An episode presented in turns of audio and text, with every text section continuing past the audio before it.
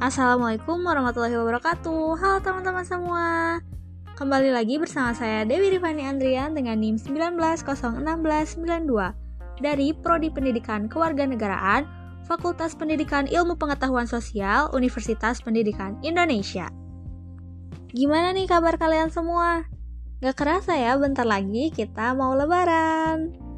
Selamat merayakan Hari Raya Idul Fitri ya bagi yang merayakan Oh iya, dalam podcast kali ini seperti biasa, saya akan memberikan tanggapan dan juga tambahan jawaban bagi pertanyaan untuk kelompok 1 mata kuliah kriminologi. Yang pertama yaitu pertanyaan dari Lutfia. Upaya pemerintah dalam menekan angka kejahatan karena kemiskinan menurut saya sendiri jelas dengan cara mengurangi dulu angka kemiskinannya. Untuk mengurangi angka kemiskinan sendiri yang saya baca dari Kompaspedia, ada beberapa strategi yang telah dilakukan pemerintah di Indonesia, di antaranya mengintegrasi program-program penanggulangan kemiskinan, menyempurnakan skema pendataan penerimaan manfaat, dan mengembangkan sistem graduasi program bantuan sosial.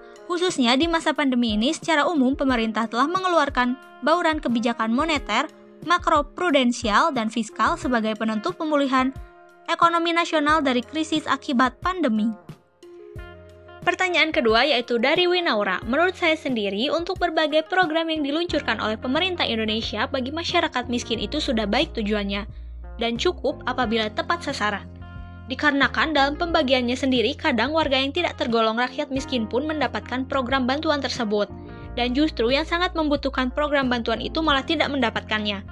Akan lebih baik jika pemerintah memberikan bantuan yang sifatnya lebih merupakan peningkatan sumber daya manusia dibandingkan berupa bantuan sosial.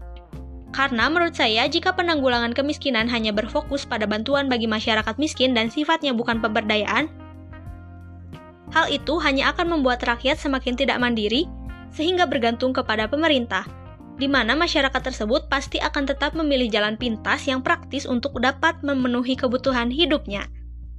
Pertanyaan yang ketiga yaitu dari Debbie. Untuk kriminal police sendiri, menurut saya, baik penanggulangan kejahatan yang bersifat penal atau non-penal itu sama-sama efektif dalam mencegah dan menindak sebuah kejahatan. Namun, untuk menekan angka kejahatan sendiri, menurut saya lebih efektif kebijakan non-penal, karena biasanya ini dilakukan untuk mencegah terjadinya kejahatan, di mana masyarakat diedukasi mengenai berbagai cara supaya tidak terjerumus ke dalam kejahatan. Tapi, jika untuk memberikan efek jerah pada pelaku kejahatan, Kebijakan penal ini lebih efektif menurut saya, karena kebijakan penal ini dilakukan untuk menanggulangi kejahatan yang menitik beratkan pada tindakan represif yaitu setelah terjadinya kejahatan.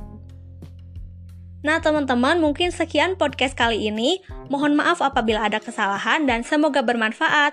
See you di podcast berikutnya.